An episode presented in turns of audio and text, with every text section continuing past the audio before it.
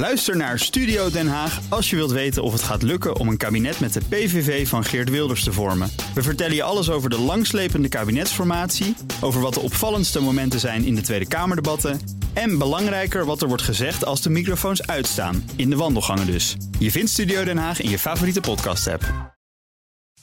De column van Bernard Hammelburg. Over cliffhanger gesproken.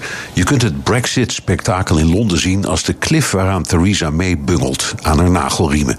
May Day in Downing Street dus. Of juist als een gouden kans voor Europa om eindelijk serieuze onderhandelingen van de grond te krijgen. Wat wil May? Een overeenkomst met Brussel om de douane-unie en het verkeer van goederen, in gewone taal vrijhandel, voor te zetten.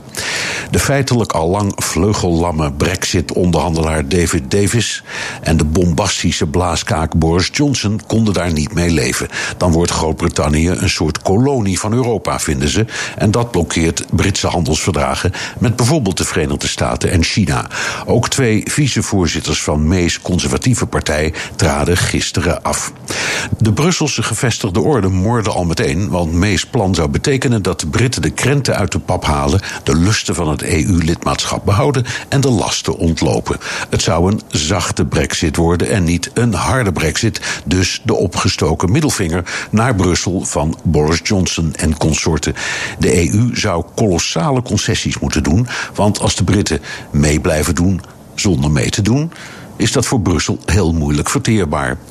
Maar nu even praktisch. Voor de Europese landen en in elk geval voor het bedrijfsleven is een voortgezette douane-unie zeer wenselijk voor land als Nederland, dat zich enorme zorgen maakt over de dreiging van verstoorde handel met het Verenigd Koninkrijk, is het even slikken, maar uiteindelijk gunstig. Eurosceptici, die de EU hooguit willen zien als een groep landen met goede economische banden, krijgen in feite hun zin en kunnen zo'n Brexit-model kopiëren voor hun populistische campagnes in eigen land.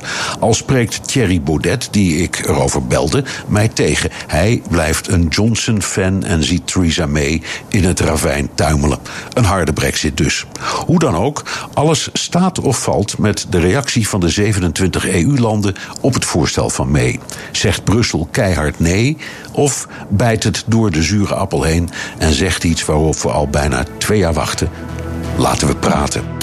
Dat is Bernard Hammelburg, onze buitenlandcommentator en columnist op woensdag. En u kunt zijn column terugluisteren op bnr.nl en in de BNR-app. Ook Liesbeth Staats vind je in de BNR-app. Ja, heel handig. Luister live naar Kees en mij tijdens de Daily Move. Dan blijf je ook gelijk op de hoogte van breaking news en het laatste zakelijke nieuws. En daar vind je ook alle BNR-podcasts, waaronder de Perestrooikast. Download nu de gratis BNR-app en blijf scherp.